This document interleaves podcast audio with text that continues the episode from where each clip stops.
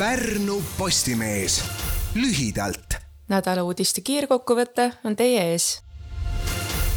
kui veel viie aasta eest andis Vendre tööd rohkem kui kaheksasajale inimesele, siis nüüd on inimesi poole vähem ja osa tootmiski Poola üle viidud. Pärnus Rääma tänaval Vendre esinduspoes käib juba mõnda aega tühjendusmüük, sest kauplus suletakse selles kohas alates jõuludest ja avatakse jaanuaris ettevõtte Liina tänava tootmiskompleksis. Vendre tegevjuht Kevin Perkins kinnitas, et poe kolimine on seotud kogu Rääma kompleksist tootmise üleviimisega samasse lina üksusesse. Rääma tootmiskompleks muutub paari lähiaastaga hoopis elamu ja ärikvartaliks novembri alguses Mai elurajooni terviserajalt leitud haige kutsikas on nüüdseks tublisti kosunud ja kuna omanik välja ei ilmunud, otsis korraka uut kodu. soovijaid ilmus välja aga nii palju, et Pärnumaa loomade varjupaik pidi ühelt maalt koduotsingu sulgema, sest sooviavalduste tulv hakkas igapäevast tööd segama. varjupaiga juhataja Seile Juss rääkis, et tõulaadsete ja eksootiliste värvidega loomade vastu on alati suurem huvi teistele koertele kodu ei pakutud, huvilistel oli konkreetne soov võtta just see prantsuse bulldog. koerale tuli suisa sadakond kodupakkumist. sobivamaks koduks Hugole sai aga senine hoiukodu. Pärnu kunstiklubi näitusel Fantaasia abstraktsioon saab näha viieteistkümne klubi liikme abstraktsemat laadi maale, mis sündinud värvi ja vormikatsetuste ja fantaasialennu tulemusena mitu klubiliiget on selle kunstnikemaja näitusele teoseid luues astunud välja oma tavapärasest maalimisviisist ja teemadest ning katsetanud uut avatud meeltega lähenemist, et jõuda uuele tasandile.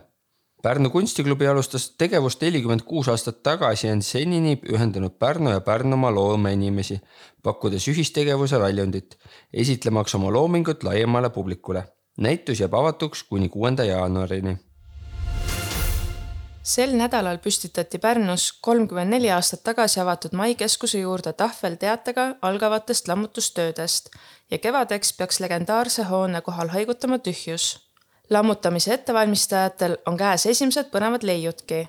hoone sisemuse kultuurikihist tuli välja näiteks pool kasti Saku on naissi õlut, üheksakümnendate kontoriseadmeid, vanu plakateid ja muudki põnevat kinnistule kerkib nelja tuhande viiesaja ruutmeetrine madalam kaubandushoone ning Mai ja Papiniidu tänava nurgale tuhande ruutmeetrine kõrgem kuni kaheksakorruseline osa, mis on mõeldud äri- ja elupindadeks.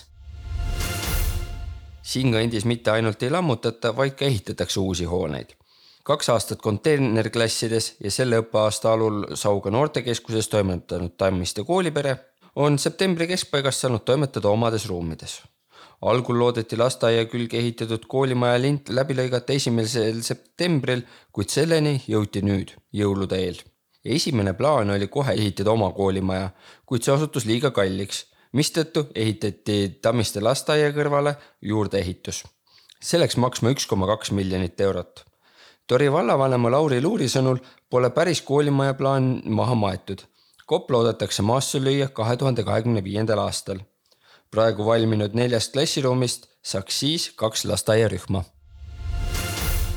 neljapäeva hommikul olid teed tõeliselt libedad ning Pärnumaal juhtus kaks liiklusõnnetust, milles osales kokku kolm veoautot. Papsaare külas sõitis kraavi pelleteid vedanud veoauto. juht pääses ise autost välja ja vigastada ei saanud õnnetuse tulemusel valgus sõidukist välja diislikütus, sündmuskohale kiirustanud päästjad kogusid kokku umbes tonni jagu vee ja diislisegu Suigu-Tootsi teel toimus seguauto ja kalluri vahel liiklusõnnetus. Õnneks ei saanud ka selles avariis keegi viga. Pärnu politseijaoskonna välijuht Margus Pani nentis, et mõlema liiklusõnnetuse paigas oli tee libe. Suuremad maanteed on ära soolatud, kuid kõrvalteed võivad praegu olla kohati väga libedad. tuletame autojuhtidele meelde, et talvistel teedel tuleb valida teeoludele vastav sõidustiil, toonitas Pani kõiki lugusid saab põhjalikumalt lugeda Pärnu Postimehe veebist uudised valisid ja lugesid ette Kristo Niglas ja Grete-Liisa Sihver Pärnu Postimehest. Kuulmiseni. Pärnu Postimees lühidalt